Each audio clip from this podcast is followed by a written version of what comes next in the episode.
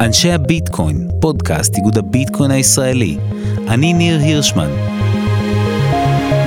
אנשי הביטקוין, פודקאסט איגוד הביטקוין הישראלי, והיום אנחנו עם גולדי, רן גולדשטיין, שהוא SVP Payments and Network וסמנכ"ל בכיר בתחום התשלומים בפיירבלוקס. וואו, חתיכת title, גולדי, מה העניינים? שלום שלום, uh, thank you for having me. כן, תשמע, אתה יודע, ככל שה title uh, גדול יותר, אז כנראה אתה עושה פחות, ומצופה ממך uh, לעשות יותר מצגות, ופחות כן. uh, דברים מעשיים. אז, uh, אז כן, אז uh, אני כרגע עושה המון מצגות, לפי ה title. אז רגע, תקשיב, אני, לפני שניכנס, נגיע אליך והכל, כי אנחנו מכירים כבר המון שנים, אני חושב שכדאי שהמאזינים שלנו ישמעו טיפה יותר. תשמע, אנחנו שומעים המון על פיירבלוקס, ועל איזה חברה ענקית וגדולה ו unicorn ישראלי, גאוות התעשייה הישראלית, אבל קח אותנו רגע לבפנוכו. מה בעצם פיירבלוקס עושה? שאלה מעולה. תראה, פיירבלוקס היא בעצם היום הפלטפורמה, נקרא לזה, אה, הכי נפוצה, הכי בשימוש, על ידי כל, כל מיני עסקים שרוצים אה, לפתח אפליקציות מעל נכסים דיגיטליים ורוצים לעשות את זה בצורה secured, אה, נקרא לזה. מה, מה זה בפועל אומר? זה אומר שאם אתה, בין אם אתה בנק ואתה רוצה לאפשר למשתמשים שלך to buy, hold, sell קריפטו, או אם אתה חברה כמו רבולוט ורובין הוד, ואתה רוצה שלכל user שלך יהיה ארנק, אז אתה פונה לפיירבלוקס ואתה רץ על פיירבלוקס. אבל גם אם אתה חברה, חברת e-commerce שרוצה להפיק אה, סדרות של NFTs ולנהל את כל הסייקל הזה ואת כל התוכנית loyalty שלהם, אז אתה בונה את זה על פיירבלוקס. ואם אתה חברת payments, שרוצה להעביר כסף בין מקסיקו לארצות הברית על גבי stablecoins ולחסוך את העברות הסוויפט, אז אתה כנראה בונה את הדבר הזה על התשתית של פיירבלוקס. פיירבלוקס היום היא אוסף של אבני בניין, שחברות יכולות לבוא ולבנות אפליקציות ושירותים של digital assets בצורה הכי secured בעולם, אה, ולהנגיש את זה למשתמשים שלהם. אבל קח אותי טיפה יותר לעומק, זאת אומרת שפיירבלוקס, הרי בסופו של דבר, אתה יודע, אנחנו, אנחנו כאן בשביל לחפור, כן? אבל אז שפיירבלוקס, לעומק הפתרון, זאת אומרת, מה בעצם, מה בעצם פיירבלוקס היא ארנק, היא אה, מערכת לניהול הרשאות, מה הטכנולוגיה הבסיסית של פיירבלוקס? שאלה מעולה, אז, אז, אז פיירבלוקס באמת, אתה יודע, אולי נלך קצת אחורה, כן? ו... אה, ו... I'll tell you a story. אה, ספר לי סיפור. בדיוק.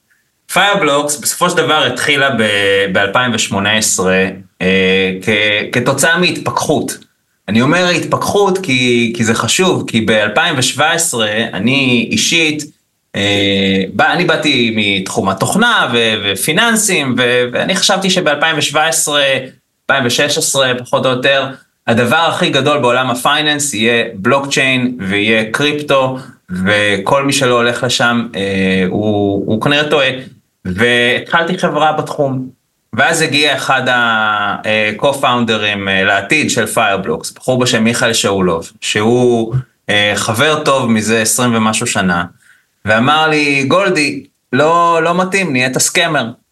וניסיתי להסביר לו, מיכאל, אני אומר לך, זה, זה אמיתי, זה לא רק אנשים אה, מוכרים וקונים אלף ביטקוין ביום בהנחה של 2%, תשיג לי מחיר ונעבוד על אנשים, זה לא מה שקורה באמת, אלא זה, זה העתיד של כל התשתיות הפיננסיות בעולם.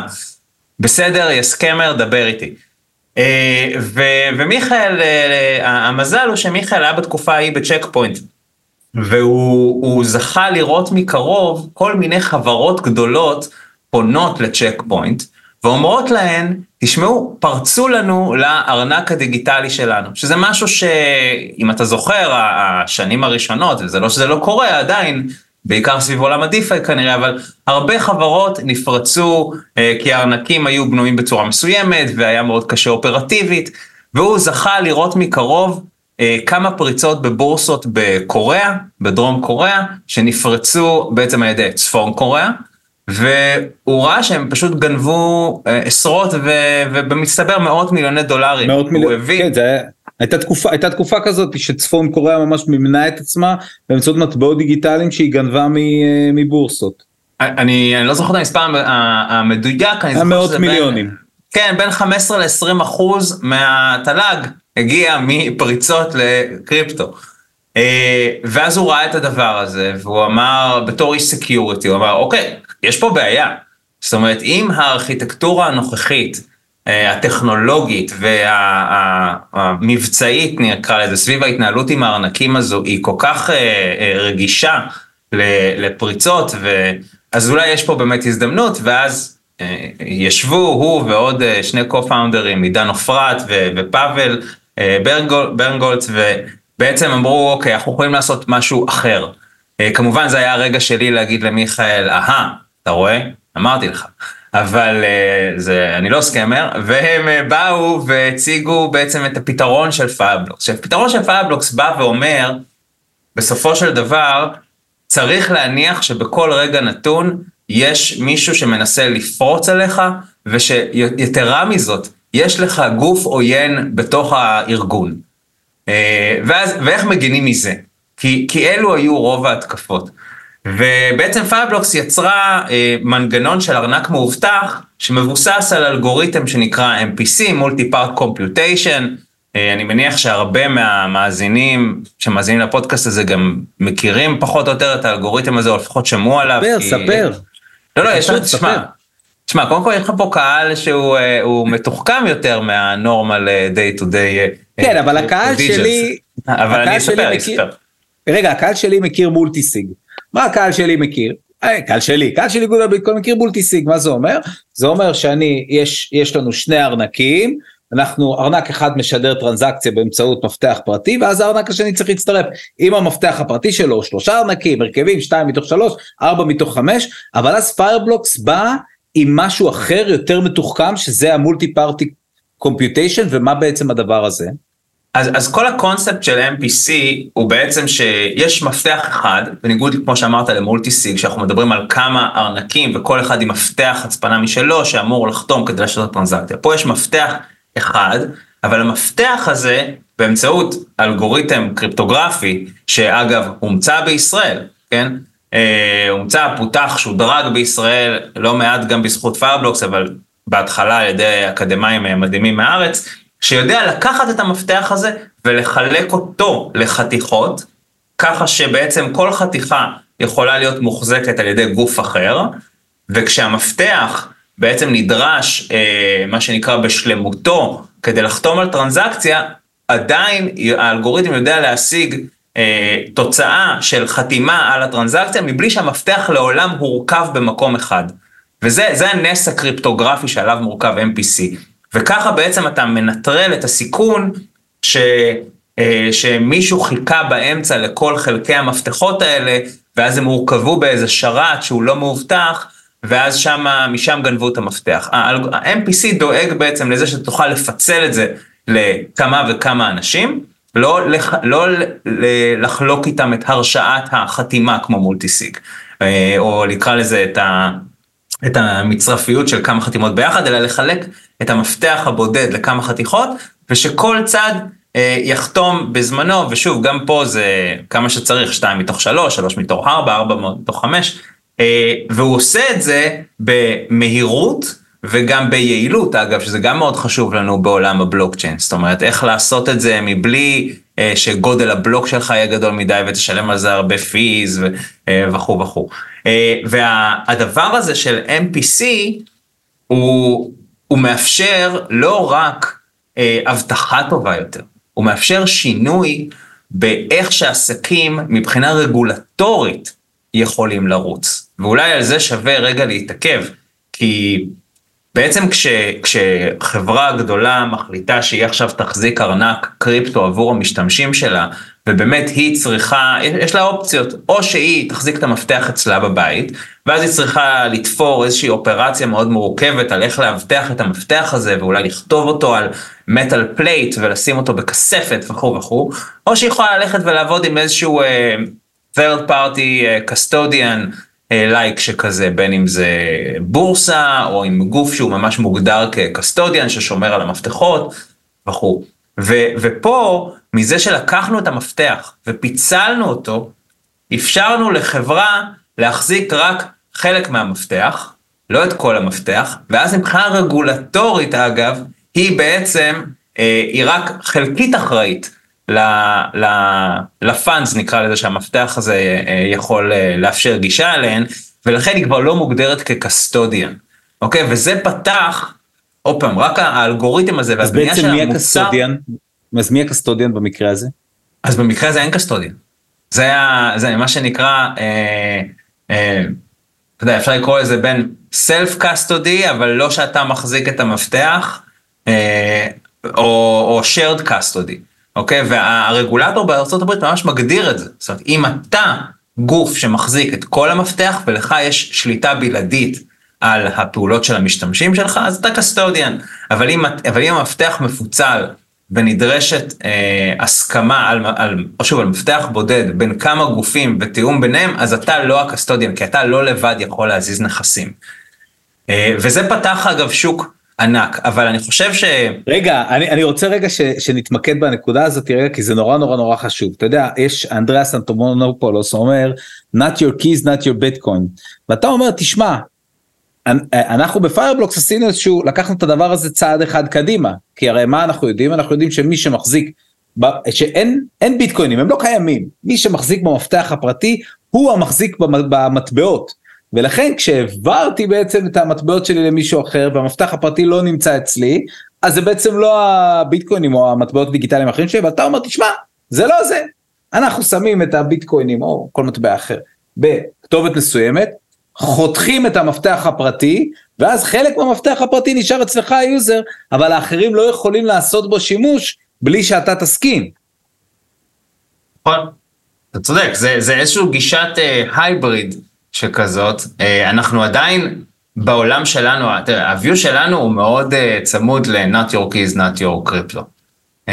אנחנו חושבים שבגישת ה-MPC אתה יכול לכאורה ליהנות משני העולמות. הפעם אחת It is your keys, no one can move the funds for you, אף אחד לא יכול לגנוב אותך. מצד שני, מבחינה רגולטורית, אנחנו עוזרים לשים אותך באזור שהוא הרבה יותר נוח להרבה עסקים, ומאפשר להם אה, לפעול בעולם הזה של קריפטו, מבלי שהם צריכים להוציא אה, אינסוף רישיונות שלא רלוונטיים ל-day to day שלהם. אבל מה קורה מהצד השני של זה? זאת אומרת, אחת מהבעיות שאנחנו יודעים שבהחזקת מפתחות באופן פרטי, זה שאנחנו עלולים לאבד גישה לקריפטו שלנו וזה די מבאס.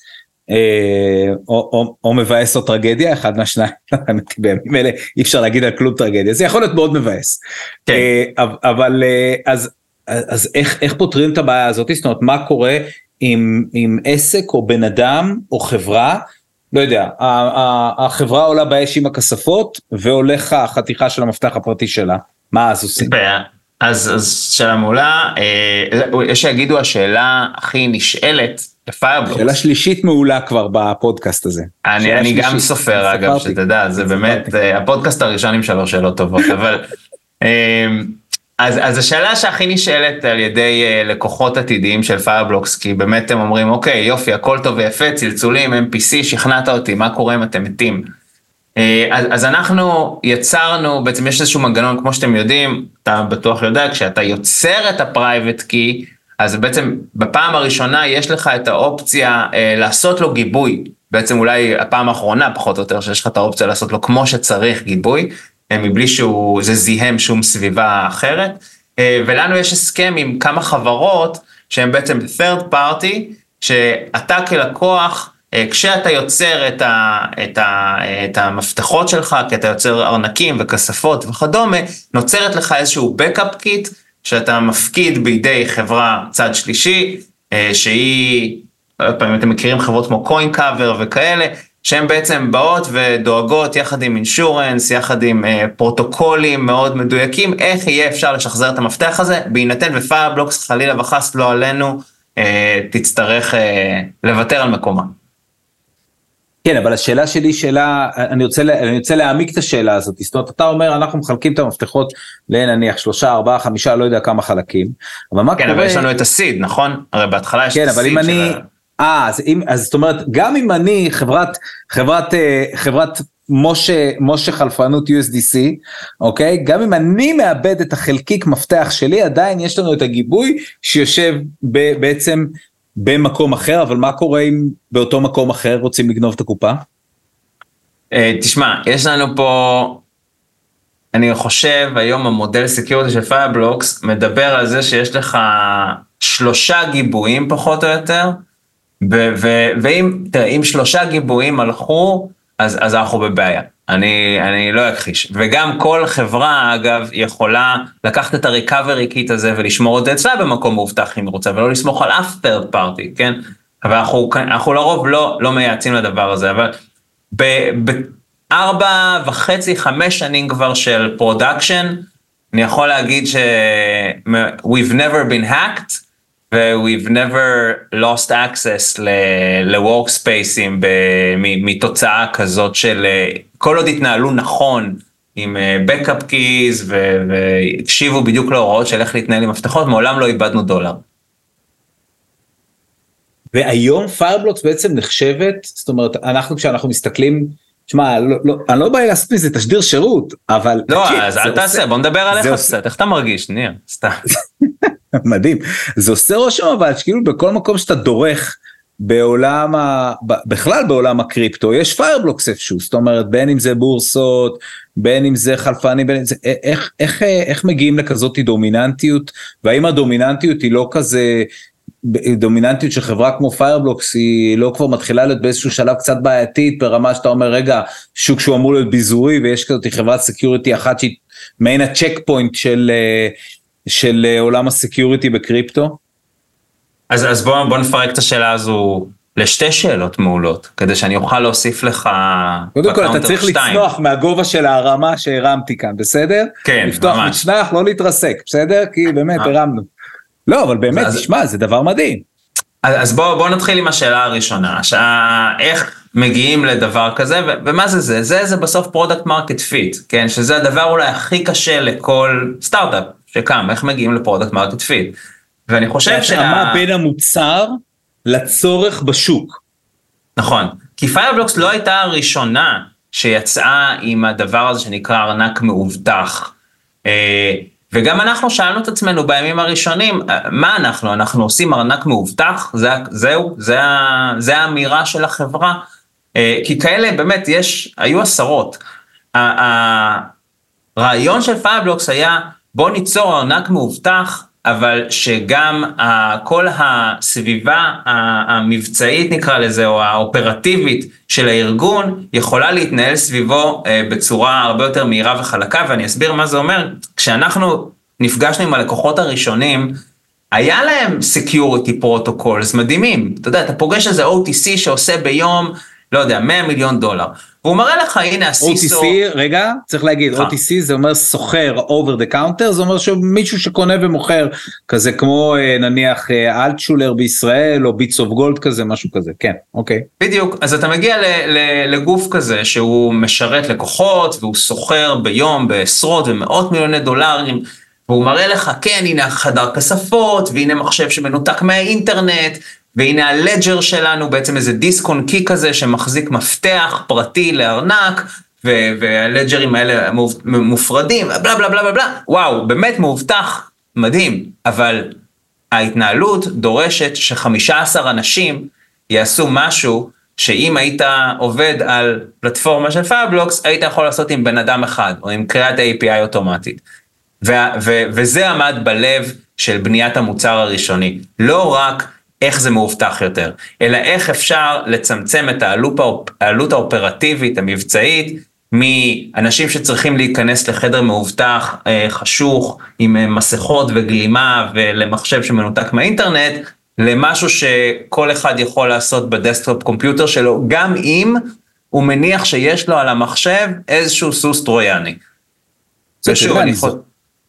אני זוכר איך זה היה, אני מניח שגם אתה בטח זוכר, ב-2017, במה שאנחנו מכנים בולרן של 2017, זאת אומרת בעליות השערים הגדולות, ראית ממש מגיע לברוקרים, לחלפנים של קריפטו, היית רואה, יושבים עם הלפטופים, מחזיקים, יושב בן אדם, מחזיק ביד כזה טרזור או לג'ר, כזה מעין אחסון מנותק שהוא מאוד ביתי כזה, בהגדרה שלו הוא פשוט הוא משהו שאתה יודע שאתה משתמש בו בבית בשביל לשמור על הזה שלך וככה היו מעבירים את הזה. אני זוכר שהסתכלתי על זה ואמרתי לעצמי וואלה זה מאוד אה, זאת אומרת כשאתה אומר יש כאן אתה יודע אנחנו משתמשים במילים מבצעי אבל תכלס זה אומר שיש בן אדם ספציפי שצריך לקום מהמחשב שלו, ללכת, לגשת לכספת, להקיש קוד, לפתוח, להוציא את הטרזור הנכון, לחבר אותו למחשב, ואז לך תדע אגב גם מה הוא עושה, ואם יש משהו על המחשב, זאת אומרת זה משהו שהוא מלא מלא מלא אנשים מתעסקים בזה.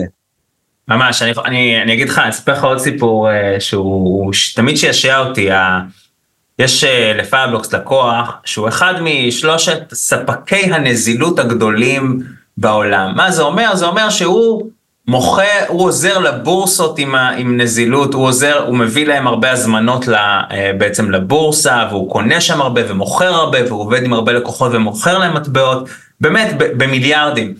וכשפגשנו אותו פעם ראשונה, אמרנו לו, תספר איך העסק שלך עובד, אז הוא אומר, כן, מראשון עד חמישי אנחנו עושים את זה, ואז, ואז יש וויקנד, אנחנו לא עובדים בוויקנד. אתה אומר לו, מה אתה לא עובד בוויקנד? זה קריפטו, זה כל הקטע, אמרנו 24/7, אמרנו always online, always on chain, כאילו, מה אתה עובד עכשיו ראשון עד חמישי? אז הוא אמר, כן, פשוט המפתחות הם על, אה, לג'ר, בעצם על דיסק און קי שאני מחזיק על הצוואר. ובסופש, אני אין לי תמיד, אני לא רוצה לבוא למשרד, כי שם החדרים המאובטחים. ואז אתה אומר לו, אתה רוצה להגיד לי שעסק שמגלגל זה היה אז קרוב ל-20 מיליארד דולר ווליום uh, uh, בחודש, עוצר לכמה ימים בגלל שאתה בעצם, בגלל הצוואר שלך תלוי במפתח הזה, אני אומר בוא, קח את הפלטפורמה שלנו, תשלם, לא זוכר מה זה היה בזמנו, ואתה בעצם תוסיף עוד, עוד uh, כמה זה היה, שמונה ימי עבודה לביזנס שלך בחודש, שזה שווה המון. אה, אז, אז כמו שאתה אומר, באמת, זה, זה, זה היה מצחיק פעם, הדבר הזה, ואני שמח ש... עזרנו לו להביא את הבשורה שעכשיו אני חושב שאגב היא, אתה כמעט בכל מקום, זאת אומרת יש אה, לא מעט MPC providers, אבל לחזור לשאלה המעולה המקורית שלך, איך זה, איך זה הגיע להיות household name, כי פיירבלוקס עשתה עוד משהו, היא, היא יצרה רשת כזאת של, אה, של שחקנים שבעצם הרגישו, ובצדק, שאם הם יעבדו כולם על גבי פיירבלוקס, אז יהיה להם עוד איזשהו אה, value add של security, ויהיה להם גם value add מהצד העסקי.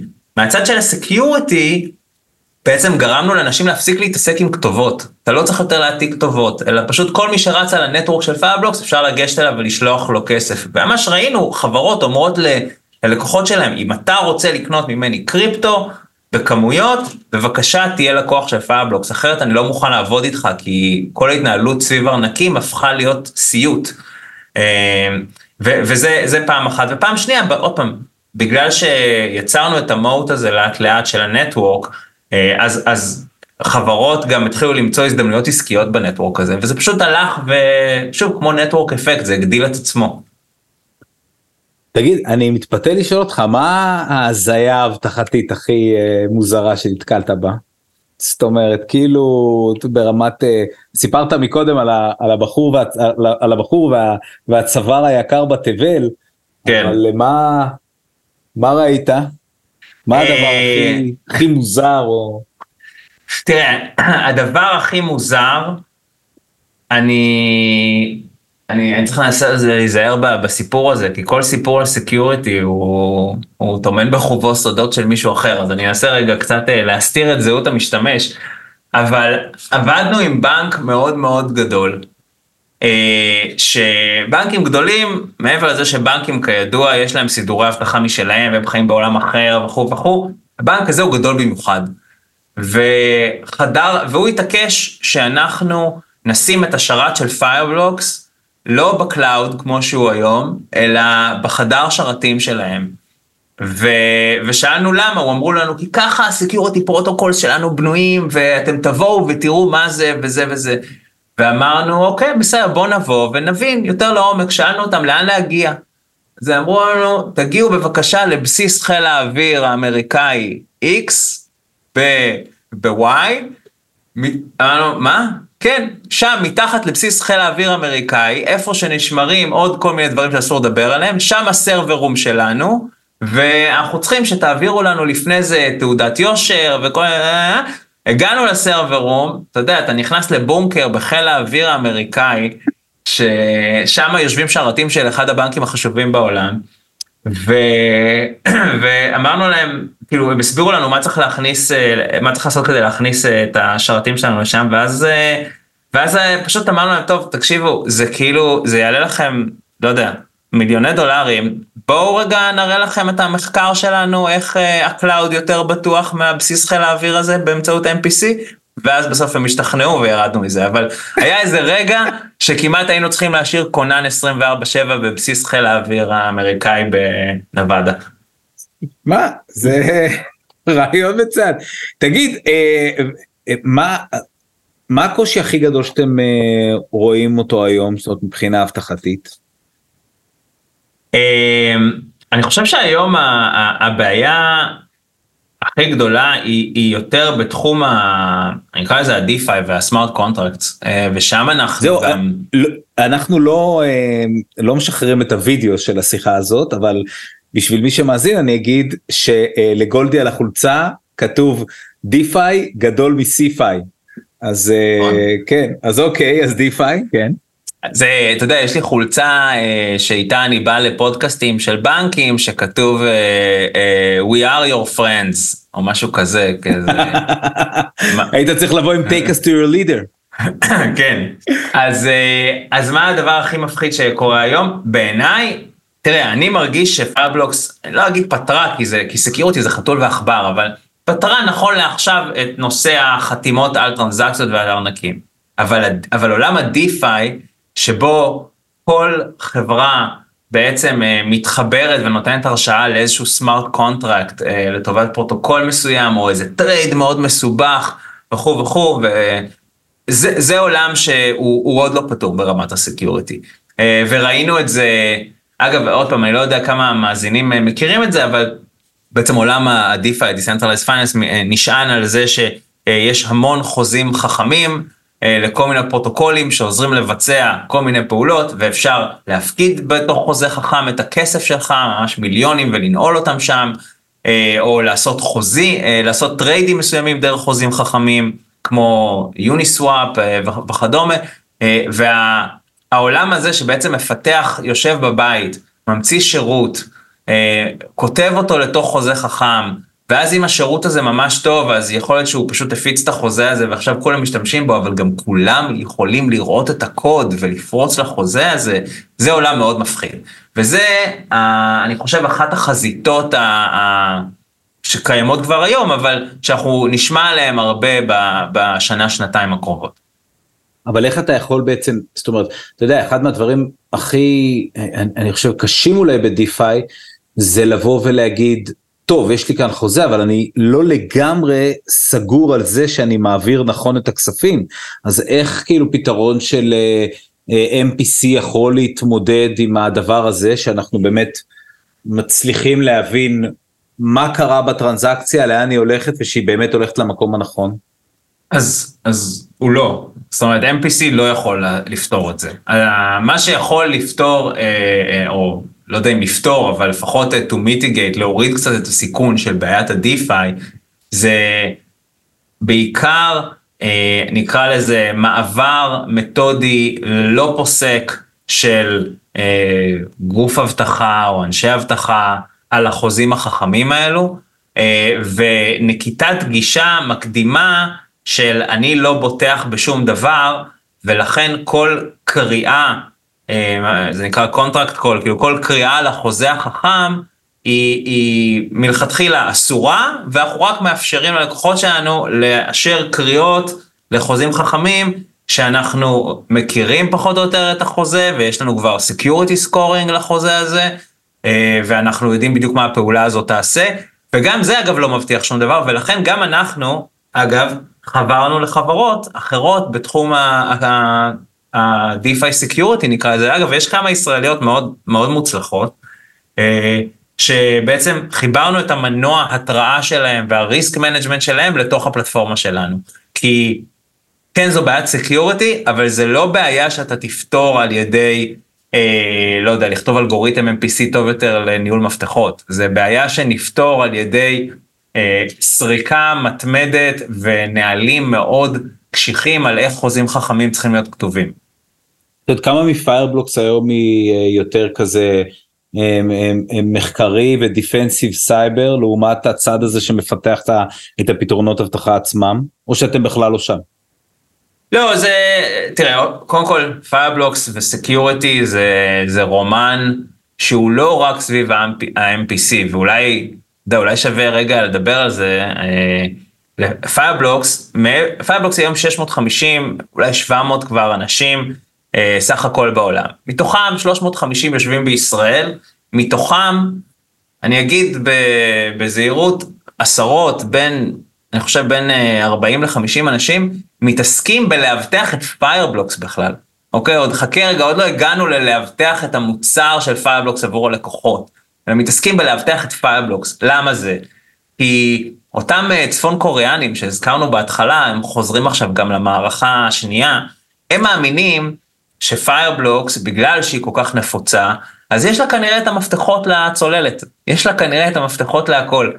והם רואים את המספרים באתר, הם רואים שאנחנו מאבטחים אה, מאות מיליארדים של דולרים עבור הלקוחות שלנו, ומאמינים שהם ועוד המון גופים אחרים, מאמינים שאם יפרצו ל Fireblocks אז הם ישיגו את השלל הזה.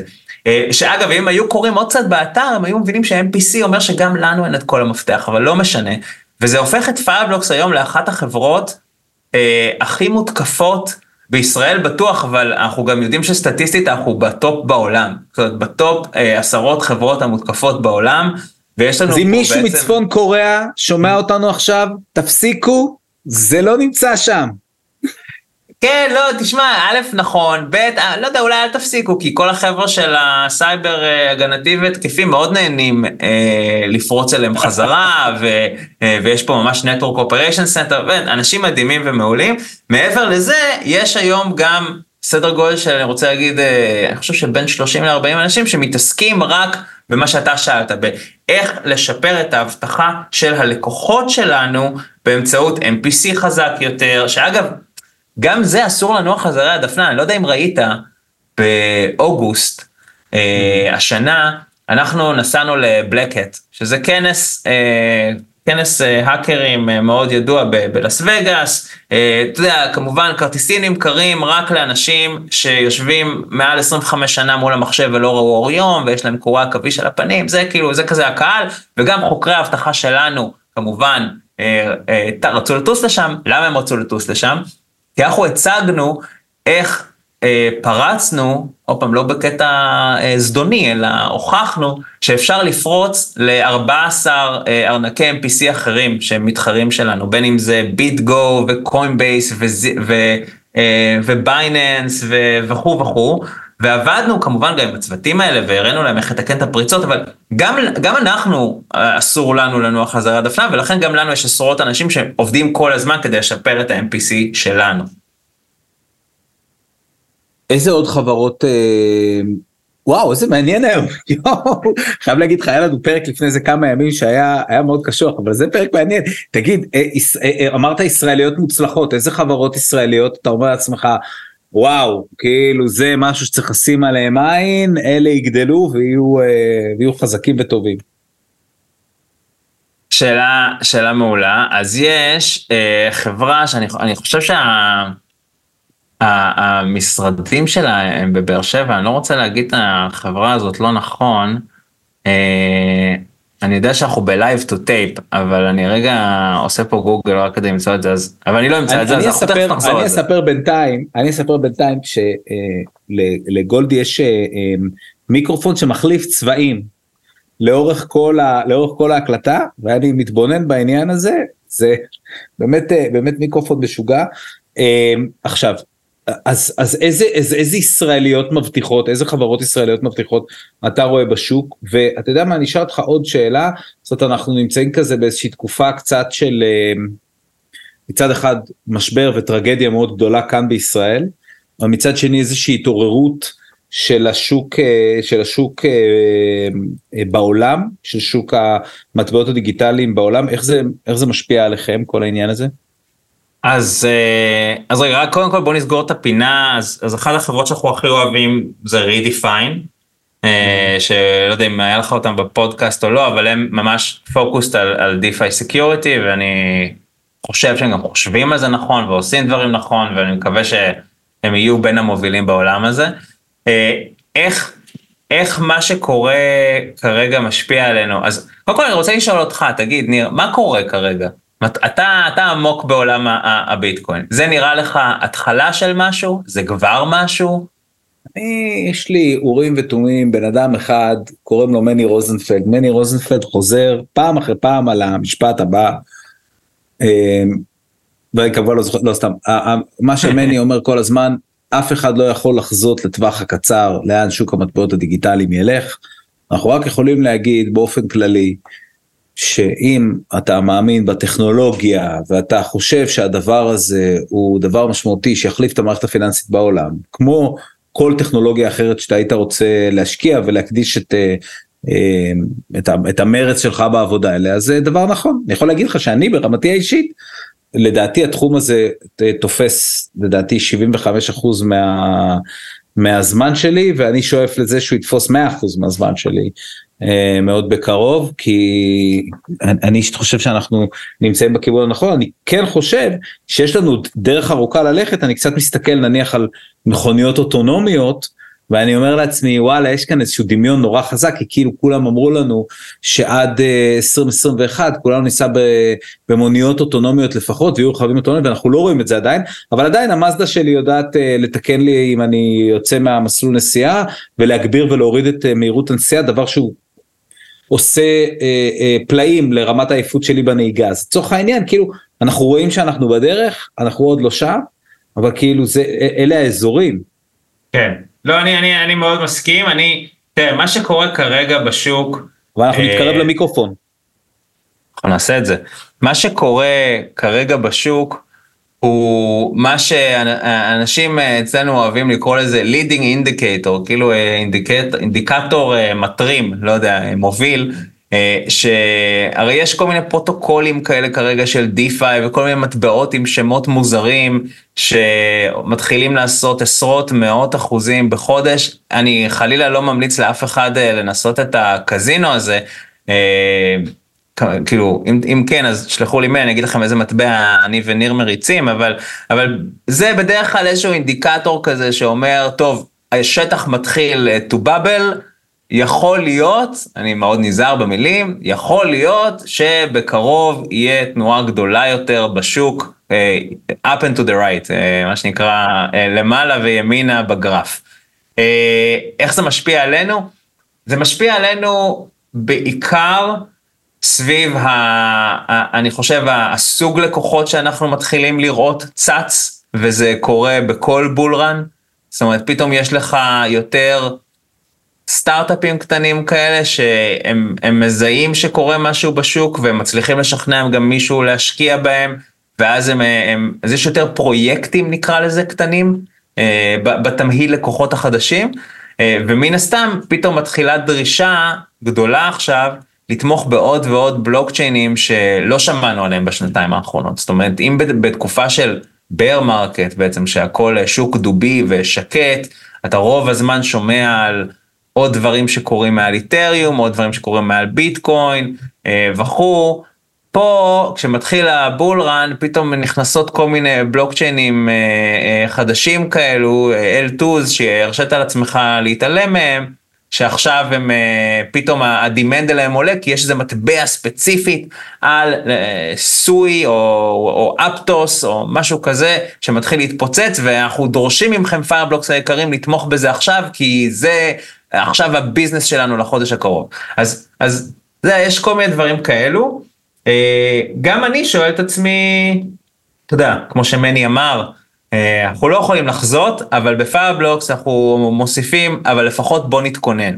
אז, אז יש תוכניות, אה, כמובן, מה יקרה כשיהיה פה bull run. פעם קודמת ב bull run, רק לסבר את האוזן, ה bull run האחרון ש Fireblocks הייתה בו היה בין אה, בעצם 2020, 2021, נכון, קוביד, אה, מה שנקרא DeFi summer שהתפוצץ, החברה גדלה מ-70 לקוחות ל-1,500 אה, ומ-90 אנשים ל-400 פחות או יותר.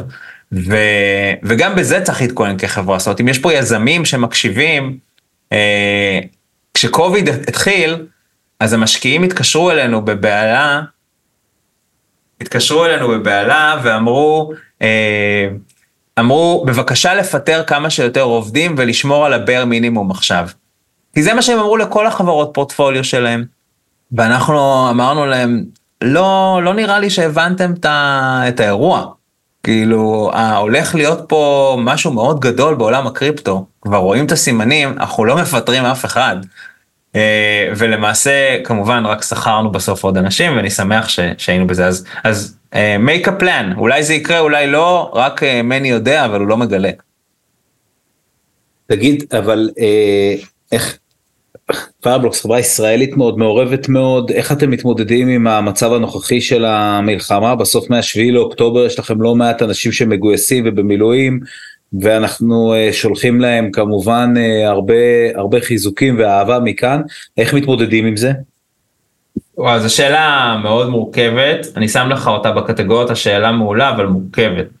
Uh, קודם כל באמת אתה יודע יש לנו היום קרוב ל-30 אנשים במילואים, אני חושב, אה, מתוך אה, צוות של בערך 350 אנשים בארץ, אז כמעט 10 אחוז, אה, וכל אחד אנחנו מאחלים לו כמובן ולמשפחה שלו ולכל מי שנמצא כרגע אי שם, שיחזרו בשלום ובשקט. זה, זה מוריד קצת capacity, יש לנו הרבה מזל שבגלל שאנחנו כבר, עוד פעם, חצי מהכוח אדם בישראל, אבל חצי בחו"ל, שהחצי של החו"ל אה, בא ואמר, אוקיי, okay, we're stepping up, אה, ולקחו המון משימות, בין אם זה בפיתוח ו-customer support ו- ומכירות וכל מה שצריך, ופשוט לקחו עליהם הכל, כי הרי אתה זוכר את זה בשבוע הראשון, אף אחד לא תפקד פה. נכון, בשבוע אחרי השביעי באוקטובר. בשבוע השני ניסינו אה, לחשוב אולי נחזור לתפקד, ובשבוע השלישי כבר חזרו לתפקד, אבל, אבל מהרגע הראשון היה לנו, חצי מהחברה הבינה את זה, והפנימה את זה, ואמרה, אוקיי, בוא נגבה את החצי השני של החברה, שפשוט בשוק כרגע. אה, והיום, חודש וחמישים ושניים יום אחרי, אני חושב, חמישים ושלושה, אה, אנחנו כבר באיזשהו מיצוע, אה, גם יש לנו, עוד פעם, לנו אנחנו מחויבים לתוכנית business continuity כחברה שמשרתת בנקים וגופים גדולים, anyway היה לנו תוכנית כזאת של מה קורה בעיתות מלחמה, באמת הפעלנו אותה, איזה נכסים צריך להוציא לחו"ל, על מה צריך לשמור יותר, מה קורה אם ישראל תיפול, כל מיני דברים כאלה, עשינו את כל זה, היום 53 יום לפני, אחרי, אני חושב שאנחנו מאוד מיושרים באיך אנחנו עובדים, כן עדיין יש לנו פגיעה קלה ב capacity אבל זה כבר די מינורי אה, ובעיקר מקווים שכולם יחזרו, אני חושב, ניר אם אני יכול, מה שהיה לי מאוד, עוד פעם, כל האירוע הזה הרי של החמישים ומשהו ימים האחרונים הוא נורא, אין, אין בכלל מי לדבר עליו, אבל קרה משהו מאוד יפה, יש פה ב Fireblocks הרבה אנשים שאוהבים security, מבינים בזה בצד ההגנתי וההתקפי, וכשקרה 7 באוקטובר הם החליטו שהם עושים אה, מעשה, אה, וזה לא אומר שהולכים ופורצים למחשבים, אבל היה פה המון עבודה שגם נכתבה אחרי זה בעיתונים, בכל מיני עילום שם כאלה ואחרים, המון עזרה לגופים, נקרא לזה ממשלתיים ואזרחיים, לאתר כספי חמאס, לעצור כספים כאלו, לעזור לגייס בקריפטו, שכל התעשייה פה בישראל מאוד, נרתמה מאוד יפה לאיך לגייס כסף בקריפטו מאנשים בחו"ל שרוצים לתרום, אז גם בזה מן הסתם אה, לקחנו חלק ועזרנו כמה שרק אפשר. אה, אז, אז אני שמח שגם היה לנו תרומה בדבר הזה, אה, ומקווה ש... שכולם יחזרו אלינו מהר. שאלה, שאלה אחרונה, אגב, אה, סיפרו לי, אסף, שעשה את התחקיר לזה, סיפר לי שאתם גם, אה, לא סתם שאתם מתאוששים, אתם גם מגייסים עכשיו, מגייסים כן. עובדים. כן, כן, אנחנו... שמע, אנחנו, אנחנו בצרות. כן, לא, אנחנו בצרות אה, טובות לשמחתי. החברה מתפתחת, גדלה, מחפשת מפתחים כל הזמן, מחפשת אנשי מוצר, מחפשת אנשי אופרציה. אה, אנחנו כשהתחלנו אז היה לנו ארנק מאובטח והכל היה נחמד ומצאנו product market fit וזה לא היה קל אבל גדלנו. ואחרי שנתיים שלוש החברה פשוט החליטה להתרחב לעוד תחומים אז היא נכנסה לפיימנטס ולטוקניזציה לווב שלוש וכו', והדברים האלה הם לשמחתי גם מתרוממים ועובדים, כי כמו שאתה ואני מדמיינים, כולם בעתיד ירוצו על התשתיות האלה של, של דיגיטל אסטס ובלוקצ'יין. ואני חושב שזה קורה, ובשביל זה אנחנו צריכים עוד אנשים טובים, אז אם אתם רוצים להיות חלק מחברה צעירה ודינמית. סתם, האמת שאני באמת רציני ואני אני, אני תמיד אומר לאנשים שבאים לפייבלוקס וביום קליטה שלהם, אני תקשיבו, זה בעיניי זאת פריבילגיה. להיות בחברה שהיא רק 600-700 איש, והיא היום 40-50 אחוז מהשוק של הארנקים המאובטחים, והשוק עצמו הוא אולי אחוז ממה שהוא יהיה בעוד עשור, נכון? אני מניח שאתה כן. מסכים איתי על זה. אז אם אנחנו היום 40... כן. אני יכול להגיד לך שאני אישית לקחתי את כל הקריירה שלי והלכתי לכיוון הזה, לא בגלל שאני חושב שיש כאן איזה שיחוק, אה, איזשהו שיחוק, איזשהו משהו, זה, זה באמת נראה לי כמו משהו שהולך להחליף את הצורה שבה אנחנו מנהלים את הפיננסים בעולם, ייקח לזה זמן. לגמרי, לגמרי. אה, זה עושה לי רושם כזה. אז אני תמיד אומר להם, תקשיבו, כל עוד לא נהיה מטומטמים בחברה ונשמור על הנתח שוק שלנו, אתם מדברים פה על חברה שהיא כנראה יהיו בה אלפי ועשרות אלפי עובדים, והיא עוד לפני הנפקה, אז זה כאילו, זה כמעט כזה, אה, אתה יודע, מוזר שיש אה, יצור כזה, בואו להיות חלק מהיצירה של הדבר הזה. יאללה, מגניב. אז יש כאן, אה, אה צריך להיכנס ל-Fireblocks Jobs. אה, אז אה, תיכנסו. אה, אה, גולדי, שאלה אחת אחרונה לסיום הפרק הזה, שהיה יותר ארוך מהרגיל, כי היה מעניין. תקשיב, היה לנו ב-2017, היה לנו ICO, ב-21 היה לנו DeFi, מה תהיה הבאזוורד של הפעם? ראש, יובל ראש היה כאן לפני כמה אה, זה, אה, פרקים, אמר לדעתו זה Web 3. קודם כל אני אוהב ומכבד את יובל רועש, אה, אבל כמובן שהוא טועה, סתם. אין לי, אני, יש לי תיאוריה. התיאוריה כן. היא סביב ה-ETF. זה, זה מה שאני חושב, אבל שוב. ה-ETF תעודת הסל שמדברים עליה שתונפק למטבעות דיגיטליים בקרוב. נכון, כי הלוואי, תראה, הרבה חסמים הוסרו, אני חושב שאנחנו בדרך לשם, כשזה יקרה, אני באמת מאמין שמיליארדים, טריליונים אולי בתיאוריה יזרמו פנימה, לא אה, אבל עוד פעם, לא יצאת השקעה, אבל כמובן רק למני הפתרונים, ונחכה ונראה. נחכה ונראה שמני יחזור מהצו 8 ויספר לנו לאן השוק הולך. אז אנחנו שולחים אה, אהבה גדולה מאוד לכל מי שבצו 8 ולכל מי שמתמודד עם, ה, עם הקשיים עכשיו ובכלל לכל הישראלים שמפתחים טכנולוגיה ומפתחים ומפתחות טכנולוגיה וקריפטו וביטקוין ובלוקצ'יין אה, אה, בתקופות האלה ובכלל.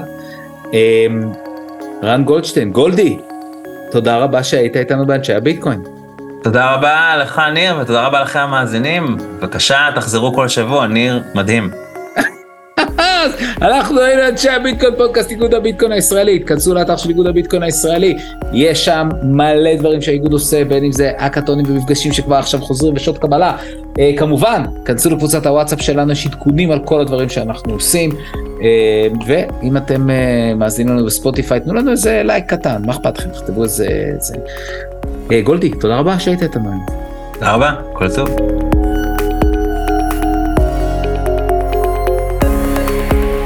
תודה לכל מי שהשתתף בהכנת הפרק. תודה מיוחדת למני רוזנפלד, יושב ראש איגוד הביטקוין הישראלי, שרק בזכותו אנחנו יכולים להביא את הסיפור הזה אליכם. הפקה ועריכה, ניר הירשמן. הקלטה ועיצוב סאונד, עידן קין שמיר.